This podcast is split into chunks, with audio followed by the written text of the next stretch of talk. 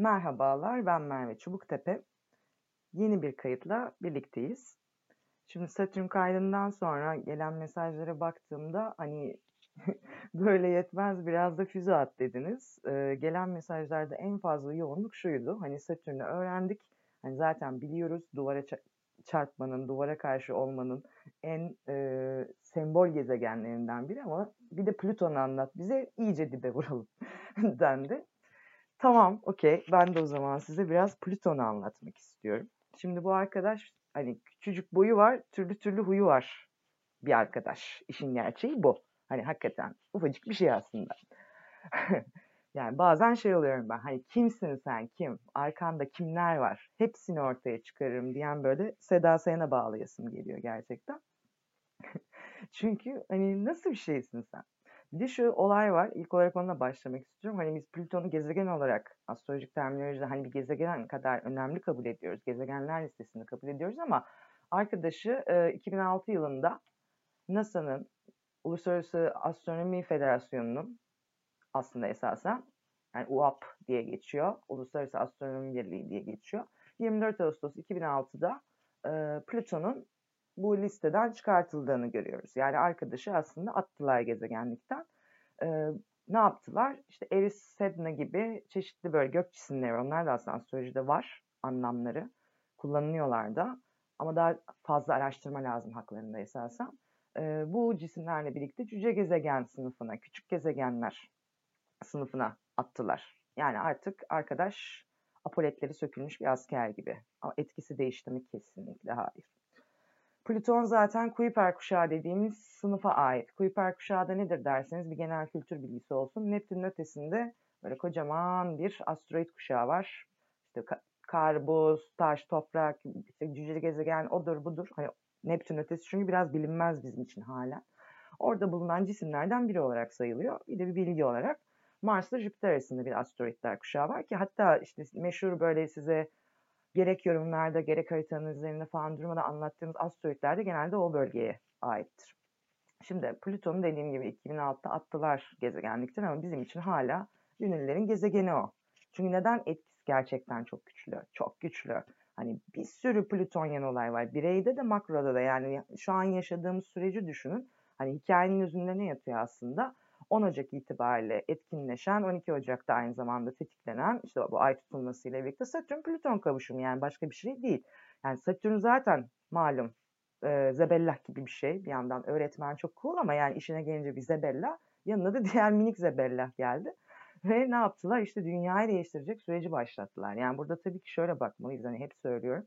Bu sadece bir yok oluş, yıkış, yıkım değil. Plüton transformasyonun, dönüşümün gezegeni. Eh, yani dönüşümün kralını yaşıyor muyuz? Her anlamda hayat tarzından tutun alışkanlıklarımıza kadar yaşıyoruz. Yani Resse resmin kralı olan dedi yani Plüton bize resmen. Ki bu Plüton arkadaşımızın da yani yeni fotoğrafları geldi son zamanlarda, son yıllarda özellikle görmüşsünüzdür. Aslında böyle bir kalp gibi bir üzerinde haresi olan çok da tatlış bir şey. Yani görüntüsü de inanılmaz şirin. Bildiğiniz çok güzel, şirin bir şey. Hani bekler misiniz bu Plüton'dan Hades, karanlıklar tanrısı enerjisini almayı? Ee, işte bazı şeyler tatlı görünür, başa bela alır ama yani Plüton'da böyle bir şey. Ee, Plüton, plütonyum elementinden ismini alıyor. Radyoaktif bir elementten ismini alıyor. Bu yüzden zaten radyoaktif şeylerle, madenlerle yani çünkü diplerde yatan şeyleri temsil ediyor. Doğrudan alakalı gezegendir. Onu da söylemek isterim. Ee, Plüton aynı zamanda diğer bir anlamıyla şimdi hani Hades Yunan mitolojisinde yeraltı tanrısı demek. Plüton ise e, Roma mitolojisinde aynı zamanda Satürnus'un oğluydu. Yani böyle bir etkisi var. Satürnus, Kronos yani zaman tanrısının oğluydu. Diğer işte kardeşi kim? Jüpiter, Zeus, Neptün, Poseidon. Yani arkadaş bir yandan da yani hani Satürn'ün oğlu şaşırdık mı? E tabii ki hayır şaşırmadık. Zaten hani Venüs'ün oğlu deseler ne bileyim Merkür'ün oğlu deseler ben inanmazdım şahsen. Böyle bir gerçekliği de var. Çok yavaş bir arkadaş yörüngesi sebebiyle çünkü Güneş'ten çok çok uzakta. Güneş etrafındaki bir turunu 248 yılda atıyor. Yani bir burçtan bir burca dönüşü 250 yıl diyelim biz kabaca. O yüzden aynı yere gelişi genelde çok önemlidir bizim için. Misal şimdi biz bas bas niye ne diye bağırıyoruz? 23 yılı itibariyle Plüton burç değişecek Kova burcuna geçecek. Hani Kova çağı, Kova çağı dediğimiz şey bu aslında bir nevi.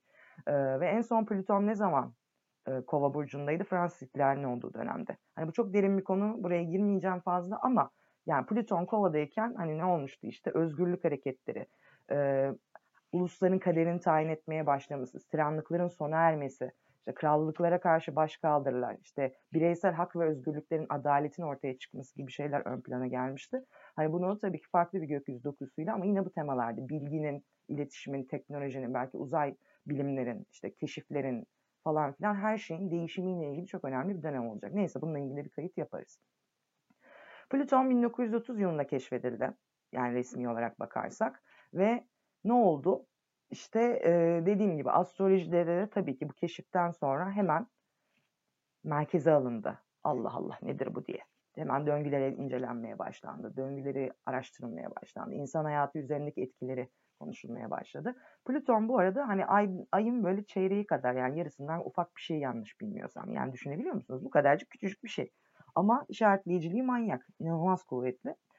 Plüton'un şöyle ilginç de bir özelliği vardır. Küçücük olmasına karşın uyduları vardır. Hatta bir uydusu da kendisinin yarısı kadar. Karon. Yani bu da iyice astroloji, astronomik açıdan bir fenomen bu arada. Onun dışında işte Hydra var, Nix var, Styx var. Yani üç tane daha uydusu var yanlış hatırlamıyorsam. Yani dört tane uydusu var o küçük şeyin.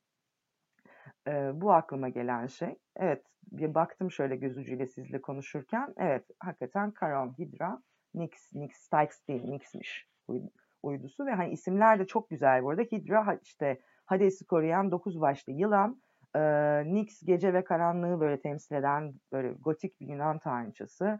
Charon Hades'in işte gemisi. İşte Kerberos var bir de tabii sonra bulundu. O da cehennemin üç başlı köpeği. Yani çok şirin sembolizmler. Bunlar burada hepsi sallanarak konmuyor. Onu da söylemek isterim. Yani Yunan mitolojisindeki anlamları bir de bağdaştırılarak konuyor. Buz gibi bir gezegen. Yüzeyi de böyle eksi 229 derece mi ne? Acayip de soğuk bir gezegen. Çok yavaş döner. Venüs'ten sonra en yavaş dönen ikinci gezegendir. Ee, onu da söyleyeyim. Ve bir de ha niye Plüton önemli? Niye gezegenle gez, cüce gezegen arasında bir yerde? Çünkü atmosferi olan tek cüce. Hani uydular var çeşitli Jüpiter'in Titan'ı gibi atmosferli uydular ama Plüton cüce gezegen olup tek atmosferi olan gezegen. Bazılarınız şu an hani yeter astronomi bilgisinden çok sıkıldık diyor olabilirsiniz. Hani biraz da astrolojiye geç, burçlara geç diyebilirsiniz ama hani hazır böyle bir gizemli gezegeni anlatırken e, bunları anlatmak size istedim. Aslında şunu da söylemeliyim. Eğer astrolojiyi seviyorsanız hatta yani ben sevmekle kalmıyorum ki bu kaydı dinliyorsanız muhtemelen çok seviyorsunuz demektir. Hani daha da ilerlemek istiyorum. Belki ileride astrolog olmak istiyorum diyorsanız olay sadece işte Venüs ikizler burcunda bilmem ne Mars işte boğa burcunda ibaret değil. Astronomi de bilmeniz gerekir. Sembolizm de bilmeniz gerekir. Çünkü eğer bunları bilirseniz çok da hızlı oturtursunuz ve işe çok daha derin bir meseleyle bakmaya başlarsınız. Hani o yüzden de ben size birazcık bu kısa bilgileri aslında vermek istiyorum. Hani onu da söylemek isterim. Şimdi tamam okey. Temel Plüton bilgilerini aldıysak eğer biraz da hani Plüton ne işe yarar? Ne yapar? Onu konuşalım. Bir kere Plüton'un hani en e, önemli astrolojik özelliği nedir? Akrep burcunu yönetiyor. Boğa burcunda zarar görüyor zıt burçta. Ve hani ilişkilendiren burcu akreptir. Doğum haritasında da 8. evle bağdaşır. Ancak yanlış anlamayalım sakın. Hani 8. ev Plüton demek değildir. Sadece bağdaştığı yeri söylüyorum. Ve Plüton'un temel anlamı nedir? Dönüşüm. Dönüşüm ne anlamda dönüşüm? Hani böyle kanatlarımı açıp şarkılar söyleyerek gökyüzüne yükseliyorum değil bu dönüşüm. Hakikaten böyle bam diye dibe çakmak ya da işte ıslah olup mesela nedir bir işte bataklık vardır. Böceklenmiş bir ev vardır. Onu işte kurutursunuz o bataklığı, ıslah edersiniz, temizlersiniz transforme edersiniz. Kangren bir yapı varsa böyle onu dağlaya dağlaya gerekiyorsa kopartarak alırsınız, ıslah edersiniz dediğim gibi.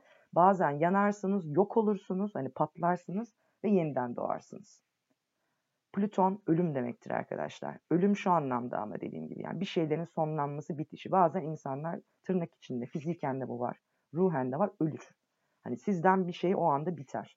Hani nedir bu bir alışkanlığın sonlanması da olabilir bir şeyde o kadar aciz duruma düşersiniz ki tövbe tövbe yeter artık dersiniz. Ya da aman dilersiniz, af dilersiniz. Asla artık eskisi gibi olmayacak dersiniz. Yani pes diye çığlık atmaktır biraz Plüton aslında. İşin gerçeği bu. Ve Bunu yapmadan önce ama neler yaşarız? Plüton güç arzusudur, iştahlıdır, tutkulu bir enerjidir, hırslı, kontrol manyağı bir enerjidir. Hani hepsini istiyorum, her şeyi istiyorum. Her şeyi yapacağım. Benim olacak. Benim, benim, benim. Saplantı. Hani obsesyonlar da Plüton'dadır. Çok istersiniz bir şey ve onun için belki de kendinizden çıkarsınız. O şeyi ele geçirmek için, o şeye nüfuz edebilmek için. O şeyi kendiniz dönüştürmek istersiniz mesela. Hani neden dönüşüm dedik ya biz de bir şeyleri dönüştürmek isteriz ama şunu unutmayalım. Hani simya neydi? Bir şeyleri altına çevirmeye çalışmak. Ama her zaman her şeyi altına çeviremezsiniz. Hele tenekeyi asla. Ama bazen altın ya da gümüş ne materyal olduğu önemli değil. Hani bazı şeyde değişmez, değişmek istemez ya da o size nasip değildir. Ama ben değiştireceğim, değiştireceğim diye tuttururken bir bakmışsınız siz zayıflamışsınız, bir bakmışsınız siz değişmişsiniz ve kendinizi tanıyamaz bir hale gelmişsiniz. İşte Plüton nedir? Güç ve acizlik savaşı arkadaşlar. Yani bize aslında bunu öğreten gezegen. Plüton her burçta ortalama 21 sene civarı kalıyor. Buradan da şunu anlayabiliriz. Yani bir evde Plüton transite kabaca bir burç bir ev gibi düşünürsek yani 21 sene sürer. Ee, ve bu sebepten ötürü de ne olacak? Yani 21 sene aynı transit deneyimini yaşamazsınız. Mutlaka bir tetiklenme, bir derecelerin denk gelmesi gerekir. Ne bileyim 16 derece Oğlak Plüton örneğin. Hani 16 derece gezegeninizde mesela Oğlak'ta, Yengeç'te, Kova'da, Terazi'de olsun sert açı yaptıralım. Hani böyle 15-17 arası bir derecelik tolerans olacak ki hatta belki tam kavuşuma girecek ya da tam kareye girecek gibi anlam olacak ya da tam üçgen fark etmez. Ama yani Plüton 14 derecede hani örnek için söylüyorum şu anda. 14 derece Oğlak'ta sizin de 22 derece Oğlak'ta bir yerleşiminiz var. Hiçbir işe yaramaz. Yani olumlu ya da olumsuz bir şey oluşturmaz. O anlamda söylüyorum. Plüton'un yörüngesi çok eğiktir. Bu yüzden bir burçta kalma süresi 11 ile 30 yıl arasında değişiyor bu arada. Bunun da biraz sevin teoriler var. Hani zamanda Neptün'e çarpmış olması olduğunu söyleyen de var. Onu da belirtmek isterim. Yani özetle haritalarımızda Plüton transitleri bir yere geldiği zaman anlamlıdır. Yani mesela nedir? Bir gezegenin üzerine ya da yükselen, alçalan tepe noktası, dik noktası gibi bir yerin üzerine geldiği zaman, işte ruh noktasının üzerine geldiği zaman, işte evlilik noktanızın yer, üzerine geldiği zaman, yani spesifik konumların üzerine gelmesi gerekiyor. Ee, Plüton dediğim gibi yani dönüşümü temsil eder. En büyük arzusu güçtür. Hayatta insanların güç tanımları farklıdır. Herkes bir şekilde güç sahibi olmak ister hayatta. Ve asıl soru şudur. Nereye kadar gidebilirsin? En büyük korkusu ne? Aciz duruma düşmek. Ama genelde bir insan bir şeyi çok pompalıyorsa, çok e, güçlü görünmeye çalışıyorsa, çok şov yapıyorsa bilin ki çok aciz durumdadır muhtemelen ve bunu ters yansıtmaya çalışıyordur. Bu da aslında bir Plüton sınavıdır. Yani yenildiğini kabul edecek misin? Çünkü Plüton'da şu var. Yenilgi hayatın bir evresinde kaçınılmaz. Ha bu nedir? Bazen nedir? Şahı devirirsiniz saygıyla. Tamam dersiniz. Olmadı der gidersiniz. Bu Plüton imtihanı saygıyla karşılamaktır ya da tepini bağlarsınız. O zaman da millet size ne alıyorsun be der. Ya da küçümser belki. Belki de ya da daha bağırır. İşte bu nedir? Plüton sınavından kal kalıyoruz anlamına geliyor. Yani bu da aklımızda kalsın. Çünkü neden? Plüton sınavında genelde şuradan çakarız. İstediğimiz şey olmadığı zaman zorbalaşarak, intikam almaya çalışarak, manipülatif olmaya çalışarak, gücümüzü kötü kullanmaya çalışarak ve ne oluyor o zaman da en sonunda bu bize geri tepiyor. Ve şunu biliyoruz. Hayatta değil mi? Bu bir gerçek. Her şey doğar, büyür, ölür, işte çürür, tekrar başka bir şeye dönüşür, tekrar çiçekler doğar, çiçekler solar, başka bir şey olur. Yani hayat döngüsüdür bu. Ve Plüton da aslında bu döngünün dediğim gibi bitiş bölümünü temsil ediyor. Yani ve biz hani hayatta güzel şeyler olsa da bu bölümü de kabul etmek zorundayız. Ve Plüton da bunu verir. Ve ayrıca Plüton aynı zamanda ruhsal anlamda da derini inişi sembolize ediyor. Yani ruhumuzun en karanlık köşeleri, korkularımız, hırslarımız, isteklerimiz, arzularımız, kendimize bile belki itiraf edemediğimiz şeyler. Yani bunları da keşfetmemizi gösterir ki haritasında Plüton baskın kişiler genelde şeydir yani öz eleştiri kapasitesi yüksek, karanlık tabu gibi görülen belki kimsenin cesaret edemediği konuları araştırmayı seven bireylerdir. Çünkü derinlere inmek isterler. Hani yüzeysel şeylerden çok hoşlanmazlar açıkçası. Bir de şunu söyleyeceğim. Plüton hani bir jenerasyon gezegeni arkadaşlar. Tıpkı Uranüs, Neptün, Plüton. Yani bu üçlü gibi. Bir burçta da dediğim gibi çok uzun süre kaldığı için bu grup bir sürü insanın mesela nedir? Plüton'un terazidir. Bir sürü insanın Plüton'u akrep 6. evdir. Bu tek başına hiçbir anlam ifade etmez. Onu da söyleyeyim. Bize bir mesaj verir ama açıları, yerleşimleri, özellikle haritanızdaki gücü, yani yükseleni yönetiyor, güneşin dispozitörü mü, işte köşelerde bir yerde mi? O zaman Plüton hayatınızda daha fazla anlam kazanır. Ama yine de, şimdi ben size Plüton burç sembolizmini anlatacağım. Şu yüzden hayatta dediğim gibi bu gölge sınavını, bu işte pes etme sınavını, bazen teslimiyet, bazen savaş ama en sonunda dediğim gibi saygıyla kabullenmemiz gereken o dönüşüm sürecini ve ruhen ıslah sürecini, karanlığımızı temizleme sürecini, bazen yaranın dağlanma sürecini hatta Plüton'dan anlarız ve bize ayna tutar. Ve Plüton hangi burçtaysa bu arada biz nasıl yeniden doğarız? Nasıl dönüşürüz? Ve bu güç ve acizlik savaşını dedim ya çünkü genelde final, önce güçlü başlar finalde aciz bitirir ve sonra tekrar güçlenmek için doğarız. Nereden görürüz ve ne yaparız? Onu anlatıyor bize esasen. Ben de şimdi size bunlardan bahsetmek isteyeceğim. Ee, Plüton Koç burcunda. Şimdi Plüton Koç burcunda şu vardır. Kişinin hayatta en büyük sınavı genelde e, geçmişe sünger çekmek olacaktır.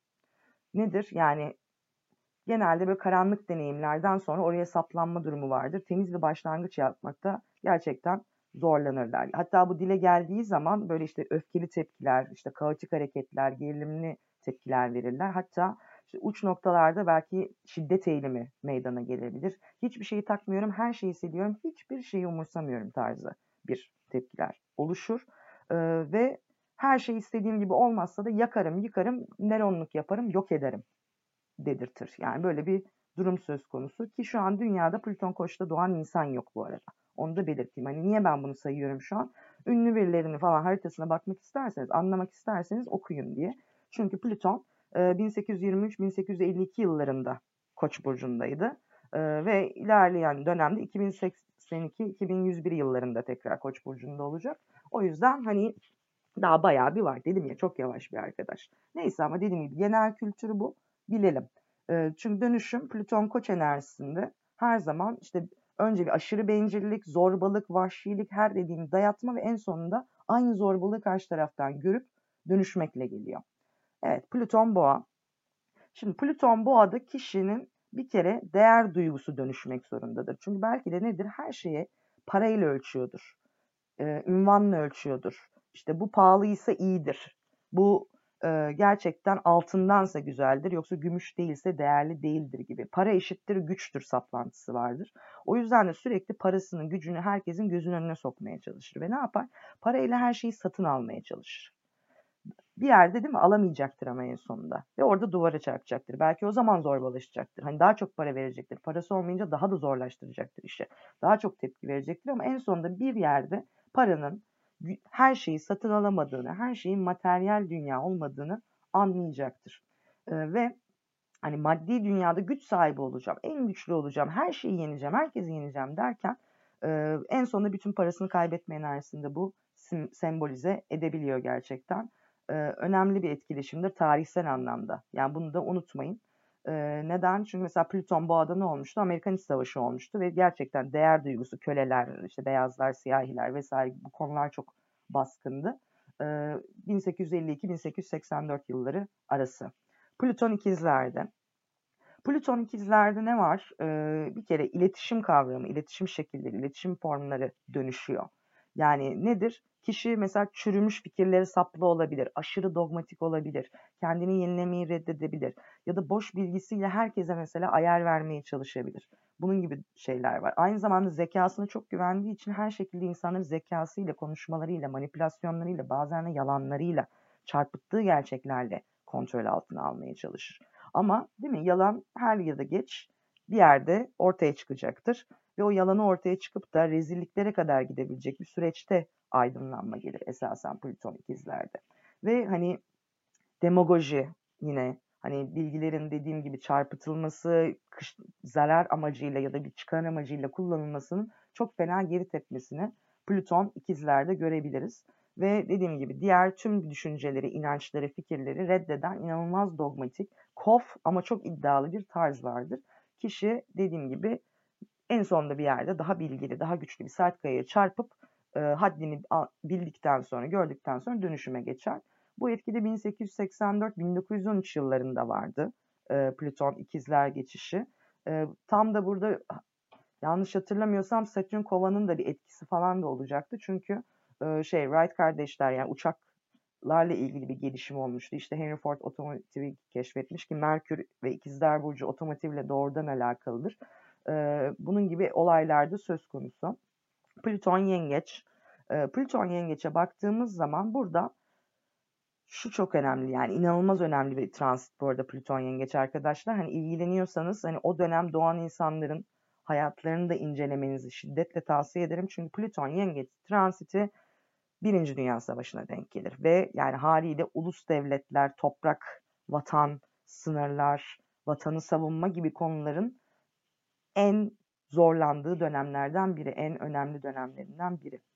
Yani bu sebeple de zaten e, her şey hiçbir zaman eskisi gibi olmadı aslında. Böyle bir gerçeklik var. Ve hani Plüton yengeç etkisinde doğan birçok lider de dünyayı etki etti. E, diktatörler çağına sebebiyet vermiştir. Plüton yengeç altında doğan kişiler. Hani diktatörel eğilimli çok sayıda politikacı çıkarmıştır. Bu da önemli aynı zamanda. Ve anlamı nedir aslında bir yandan da Plüton yengeç çok güçlü göründüğün halde bir kişiye, bir şeye, bir kavrama, bir ünvana ama en çok da bir insana, özellikle anne figürüne, koruyucu bir anaç figüre ya da babaya e, aşırı derecede düşkün olmayı, çaresizce onun yanında olmasını istemeyi anlatıyor. Bunu da söylemek lazım. Yani kişi aslında karanlıktan gölgesinden bile korkan bir insan olabilir ama dışarıdan yakar yıkar kendini inanılmaz güvenli gösterir. Oysa sürekli mesela ölüm korkusu yaşayabilir. Zarar görme korkusu yaşayabilir. En ufak bir krizde hemen mesela kaç yaşında olursa olsun annesinin arkasına saklanmak isteyebilir. Ee, bu önemli ve ne yapar onun yerine? İnsanları mesela manipüle ederek kendine bağımlı kılmaya, kendine bakmaya, sevmeye, ilgi göstermeye doğru ittirir. Ee, bu etkiyi verir. Hani bu da önemli diye düşünüyorum gerçekten. Ya da ne yapar? İnsanlara mesela bir sürü menfaat verir, destek verir ki onlar da o kişiler ondan kopamasın. Hep onları kontrol edebilsin. Ama günün sonunda bir yerde insanların onu terk edeceği bir an gelecektir. Yalnızlığı öğreneceği bir an gelecektir. Ve en sonunda kendine yetmeyi ve bir yetişkin olmayı acı bir şekilde gerekiyorsa öğrenecektir. 1913, 1914, 1938, 1939 yıllarında özellikle etkindi bu yerleşim ve dediğim gibi hani bu çağda doğan kişiler de ilerleyen dönemde hani diktatörel eğilimli birçok siyasetçiyi de çıkardı. Onu da söylemek lazım. Hani faşizm gibi şeyler de aslında. Faşist düşünce de bu dönemde doğan kişilerde çok görülmüştü. Hani bu herkesi genellemiyorum ancak böyle bir durum var. Plüton Aslan. Plüton Aslan kuşağına baktığımızda bu kişi de bir kere bu dönemdeki insanlarda da özellikle gördüğünüz bir şey bir kere liderlik saplantısı maksimumda. Hani kendini gösterme, en önde olma, altın yaldızların içinde olma e, etkisi maksimumdaki Plüton Aslan kuşağında hakikaten e, dünyaya yön veren çok önemli insanlar da oldu. Hani bunu da belirtmek isterim. Çok önemli insanlar da oldu. E, nasıl bir önceki kuşak 1913'ten işte 1939'a kadarki dönemde şey varsa hani Plüton yengeçte çok siyaset sahnesinde önemli insanlar çıktıysa da hani Steve Jobs'ından tutun işte Beatles üyelerine kadar 1938-1957 yılları arasındaki Plüton Aslan kuşağı inanılmaz kreatif gerçekten yani neticede mesela birçok işte ne bileyim müzik devriminden teknolojik devrime kadar birçok şey Plüton Aslan insanları yaptı aslında. İnanılmaz devrimsel, inanılmaz etkili ama inanılmaz egosantrik kişileri dünyaya getirdi. Neden? Bu kişilerde şey var. En iyiyim, en süperim, en spotlar altındayım. Beni kimse yenemez. Sen benden her zaman daha aşağıdasın. Seni gerekiyorsa böcek gibi ezerim. Ki hani evet Steve Jobs bir dahi olabilir, dahidir okey ama çalışanlara ne kadar kötü davrandığını, ne kadar egosantrik bir insan olduğunu da birçok kişinin anılarından duyuyoruz. Yani çünkü neden zorbalığa geçiyor? Hani o ben liderim, ben yaratırım, ben en yaratıcıyım enerjisini e, nasıl diyeyim kontrol edememeye başlıyor bir şekilde. Ve sahte bir ihtişam yaratıyor bir süre sonra. Her zaman şov. Hani bir süre sonra spontan bir anı bile yok. Her şey şov, her şey görüntü, her şey süper görünmekle alakalı. Ve Plüton Aslan dönemin hangi dönemleri esasen? İkinci Dünya Savaşı. Yani Plüton mesela bu dönem ne yapıyordu? Mesela şöyle düşünelim. Aslan liderler demek biliyorsunuz. Bir sürü liderin yükselişi ve Hitler dahil olmak üzere yok oluşunu gördük. Çünkü Plüton ne demek? Yok olmak demek bir yandan. Biliyorsunuz atom bombası da bu dönemde atıldı. Yani daha büyük bir yok oluş sembolü olabilir mi sizce? Ee, sonuç olarak. Bu tarz etkiler de var. Ve şu çok önemli. Plüton Aslan'daki insanlarda büyük takıntı vardır. Başarıya ulaşma, hani tacı takma, birinci olma konusunda. Bu yüzden hayatlarını bile gerekiyorsa feda ederler. Ama hani ben yine Steve Jobs'tan gideceğim. Ee, bazen de çok büyük krizlerle işte işinden kendi işine atılmak, inanılmaz başarısızlıklar, para kayıpları, bazen rezil olmalar, dev skandallarla hayatı anlama ve dönüşüm şeylerini yaşarlar. Yani nasıl diyeyim başarıları da gürültülü olur düşüşleri de gürültülü olur. Aslında esas durum bu.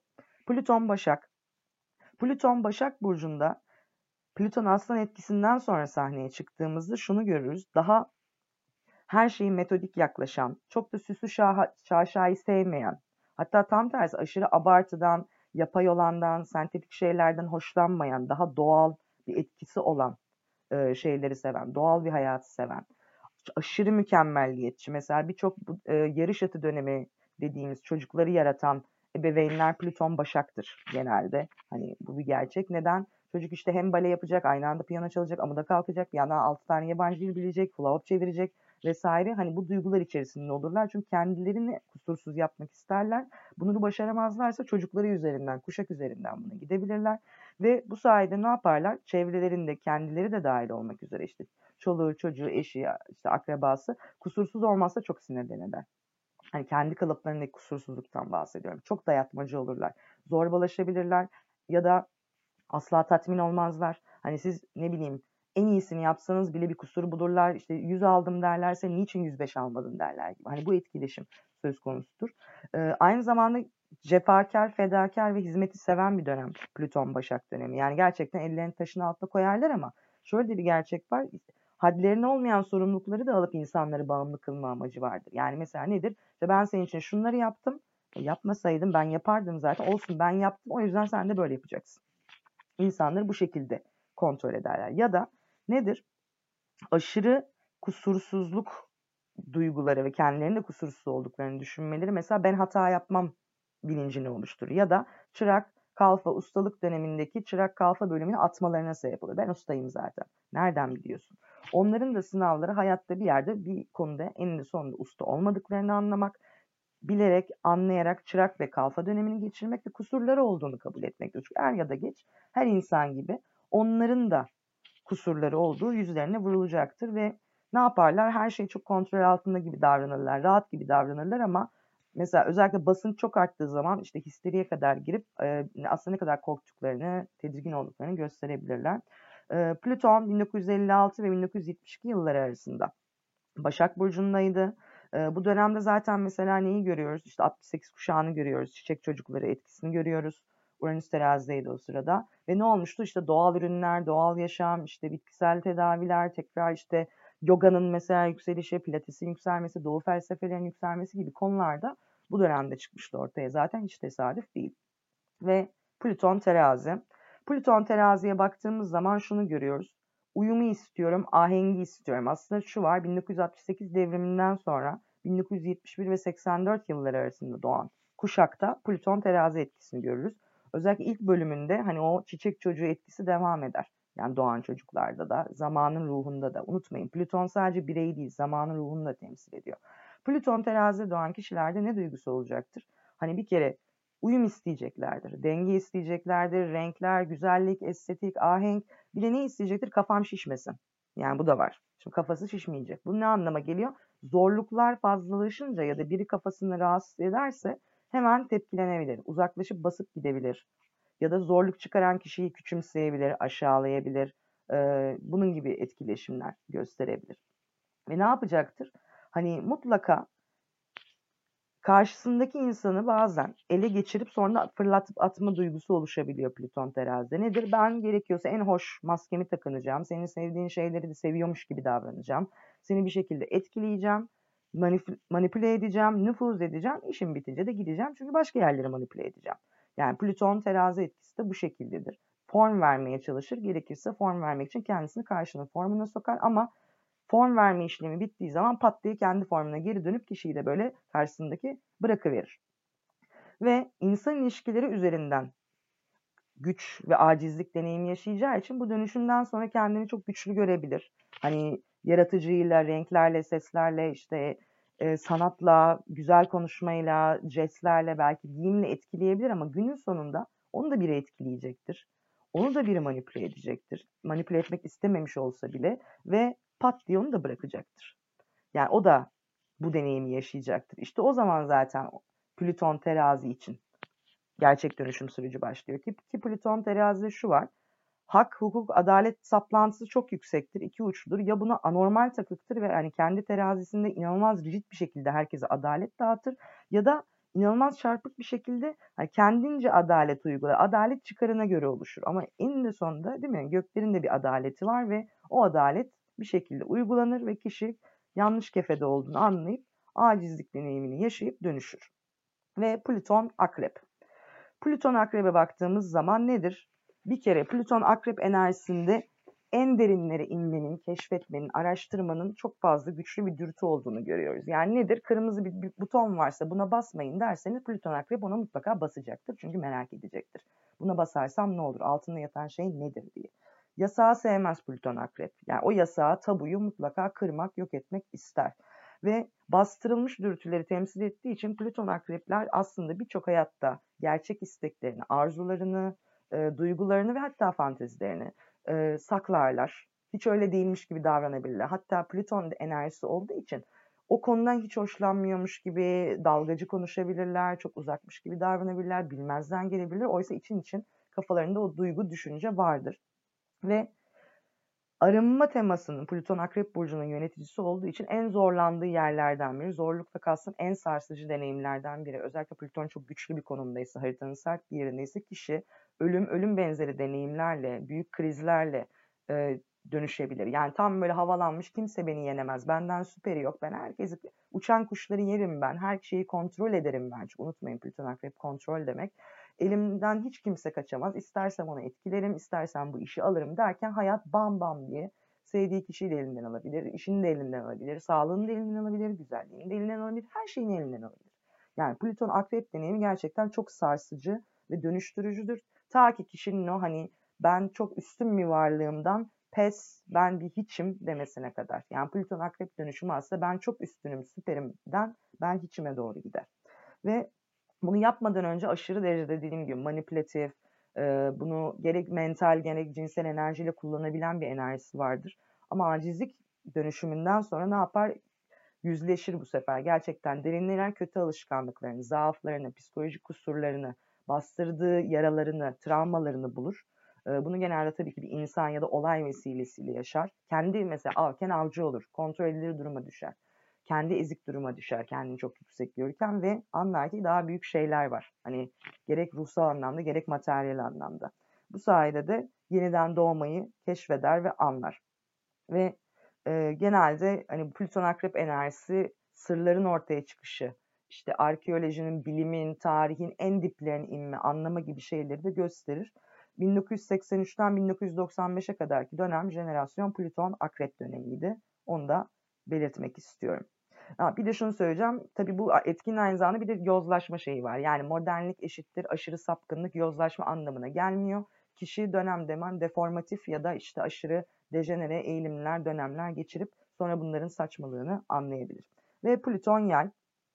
Plüton yay bir inanç arayışıdır. Bir yaşamdaki anlam arayışıdır arkadaşlar esasen. Kişi hani hayat felsefesi üzerinden sınanacaktır. Yani hayatında pek çok kere felsefe ve yaşamda duruş, fikir değişimleri yaşayabilir. Bu kötü bir şey değil. Neticede hiçbir insan e, tamam omurgalı olmak güzel bir şey ama yani mesela ne diyelim işte 25 yaşındayız. 25 yaşından 0-25 yaşa hep aynı şeyi düşünecek diye bir şey yok. Sadece Plüton yayda bu geçiş biraz daha keskin ve sert oluyor. Yani işte nasıl diyelim önce belki mesela ne olsun yaratılışçı bir inanca sahipken 5-10 yıl sonra bir anda aşırı derecede Darwinci olabilir. Bir anda küt diye ateist olur sonra tekrar agnostik olur yani gitgeller olur. Ta ki o inanç deneyimleri oturana kadar. Sınavı burada nedir? Ee, her inanç kutsaldır özünde. Aslında bu böyledir. Ama ne yapar? Gider mesela nasıl diyelim? Kişi mesela agnostik oldu, bilinmezci yani her şey belirsizdir dedi. İnanan kişi ya da hiç inanmayan kişiyi küçümsemeye başlar. Hani siz anlamıyorsunuz ya siz gerçeği göremiyorsunuz.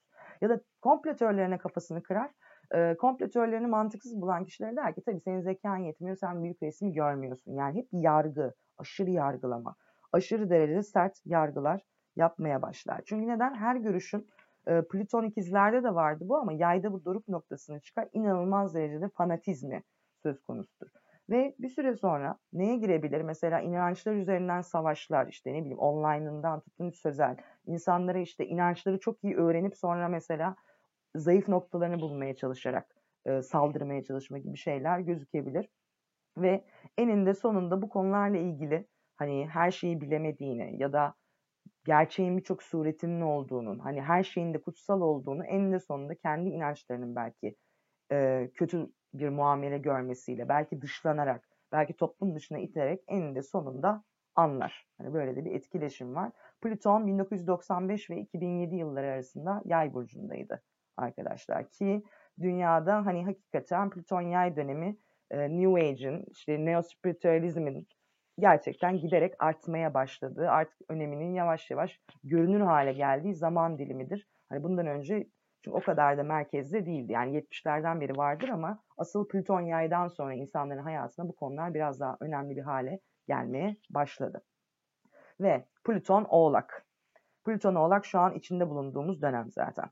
Plüton Oğlak 1900 e, pardon 1762-1778 yıllarında tam da Amerika'nın kurulduğu zamana denk gelir. O yüzden Amerikan astrolojisinde Plüton Oğlak inanılmaz önemlidir bu arada. 2007-2023'ün sonları e, döneminde etkili olacak. Yani az kaldı aslında bitiriyoruz. E, ondan önce de işte 1500 yıllarda vardı. Şimdi ne zaman unuttum. Plüton Oğlak yani burada aslında ne kadar önemli gerçekten nedir? Amerika Birleşik Devletleri kuruluyor yani yeni dünya düzeni değil mi? Aslında yani en önemli mesaj bu ve şu an yeni bir dünya düzeni daha kuruluyor. Yani Plüton Oğlak yeni otoriter güçlerin oluşumu anlamına gelir ya da yıkılması anlamına gelir. Mesela nedir? Güney Amerika'da zamanında işte Aztek imparatorlukları yıkılmıştı. Onun gibi düşünebiliriz. İşte Amerikan Bağımsızlık Savaşı gibi. Osmanlı tam çöküş dönemine denk gelir. Yani bir şeyler oluşur, devletler yükselir, devletler yıkılır ki şu anda hani tamam devletler belki yıkılmıyor gibi görünse de hani birçok ülke güç kazanıyor, güç kaybediyor. Hani dünya haritası baştan değişiyor aslında. Avrupa Birliği'nin akıbeti belirsiz. Plüton oğlak ne demektir? Bir kere otorite saplantısı aşırı derecede yani diktatöryel otorite, diktatöryel derecede kurallara düşkünlük, benim dediğim olacak, benim yasalarım doğrudur, benim inandığım şeyler, benim değerlerim, benim kültürüm doğrudur, gerisi her şey yanlıştır der. Ve o yüzden de çok baskıcıdır, çok kontrolcüdür. Eğer düşündüğü yapılmazsa sizi en katı şekiller cezalandırabilir, izole edebilir ya da soyutlayabilir saygı saplantısı inanılmaz yüksektir Plüton'a olan. Eğer sürekli şey korkusu yaşar. Acaba benimle dalga mı geçiyor? Acaba bana saygı mı duymuyor? Acaba benimle alay mı ediyor? Durmadan bu korkudadır ve bu korku onu insanlara çok gereksiz buyurgan ve aşırıca sert davranmasına sebebiyet verebilir. Yani ne yapar? Sürekli otoriteyle mesela takışmaya çalışır ya da kariyer için her yol mübah der. Herkese ezer geçer, bütün dostlarını kaybeder. Ama eninde sonunda otorite bir yerde onu da ezecektir. Öyle ya da böyle yani istediği kadar kuralları oynamayı düşünsün. Otorite onu da bir yere ezecektir ya da yapayalnız bırakacaktır. Çünkü hayat neticesi sadece güç, hırs ve iktidar makam değil. O zaman işte gücü sağlıklı kullanmayı, dengeli ve adaletli dağıtmayı, düzeni kurmayı öğrenecektir. Bu da onun etkisi. Ve Plüton Kova çok yakında gireceğimiz olan çağ 1777-1799 yani Fransız ihtilal döneminde sahnedeydi Satürn Kova ile birlikte ve 2024-2043 yılları arasında karşımıza çıkacak Plüton Kova yani aslında yani çok uzun anlatılması gereken bir konu ama ben size çok kısaca bahsedeceğim. Henüz şu an yeni dönemde doğan insan yok bu burçta ama Plüton Kova teknolojinin, iletişimin, haberleşmenin, her türlü kültürün yeniden yapılanması demektir. Bütün dogmatik yapıların, e, sahte bilimin, sahte peygamberlerin, bilgiyi kötü niyetle kullananların imha olacağı dönemdir. Eski kadim antik bilgi tekrar yükselişe geçecektir ve modern bilimle antik bilim arasındaki kavga sona erecektir esasen. İnsanoğlu inanılmaz buluşlar yapabilir Plüton Kova döneminde. Uzaya gitmenin, yani daha uzaklara gitmenin, yeni yaşamların, belki terraforming, gezegenlerde hayatın keşfinin, belki dünya dışı yaşamın hepsinin mümkün olabileceği bir çağa giriyoruz. Çünkü neden? Dogmalar değişiyor. Ve birçok köşeye atılmış kişinin, şarlatanlar sebebiyle sesi çıkmayanların tekrar ortaya çıkacağı, hani alim olanların tekrar konuşacağı ve hak, edeceği, hak ettiği saygıyı göreceği döneme de giriyoruz aynı zamanda. E, bu dönem hakikaten bu anlamda çok önemli olacak diye düşünüyorum ve mesajı da şu, teknolojiye, yeni çağa ayak uydurmuyorsan eğer yarış dışı kalırsın. Yani dünyada artık standart devletlerin gücünden ziyade zaten şimdiden başlamış olan teknoloji insana, topluma, dünyaya yatırım yapan şirketlerin giderek daha çok yönetici olacağı, önemli olacağı bir döneme gireceğiz. Dediğim gibi bu ayrı bir podcast konusu aslında. Ve son olarak Plüton balık. Plüton balık işte en son 1799-1823'te oldu. ta 2044-2067 yılında olacak. Hani boş geçmeyelim yine de söyleyelim. Dediğim gibi belki geçmişi araştırmak istersiniz.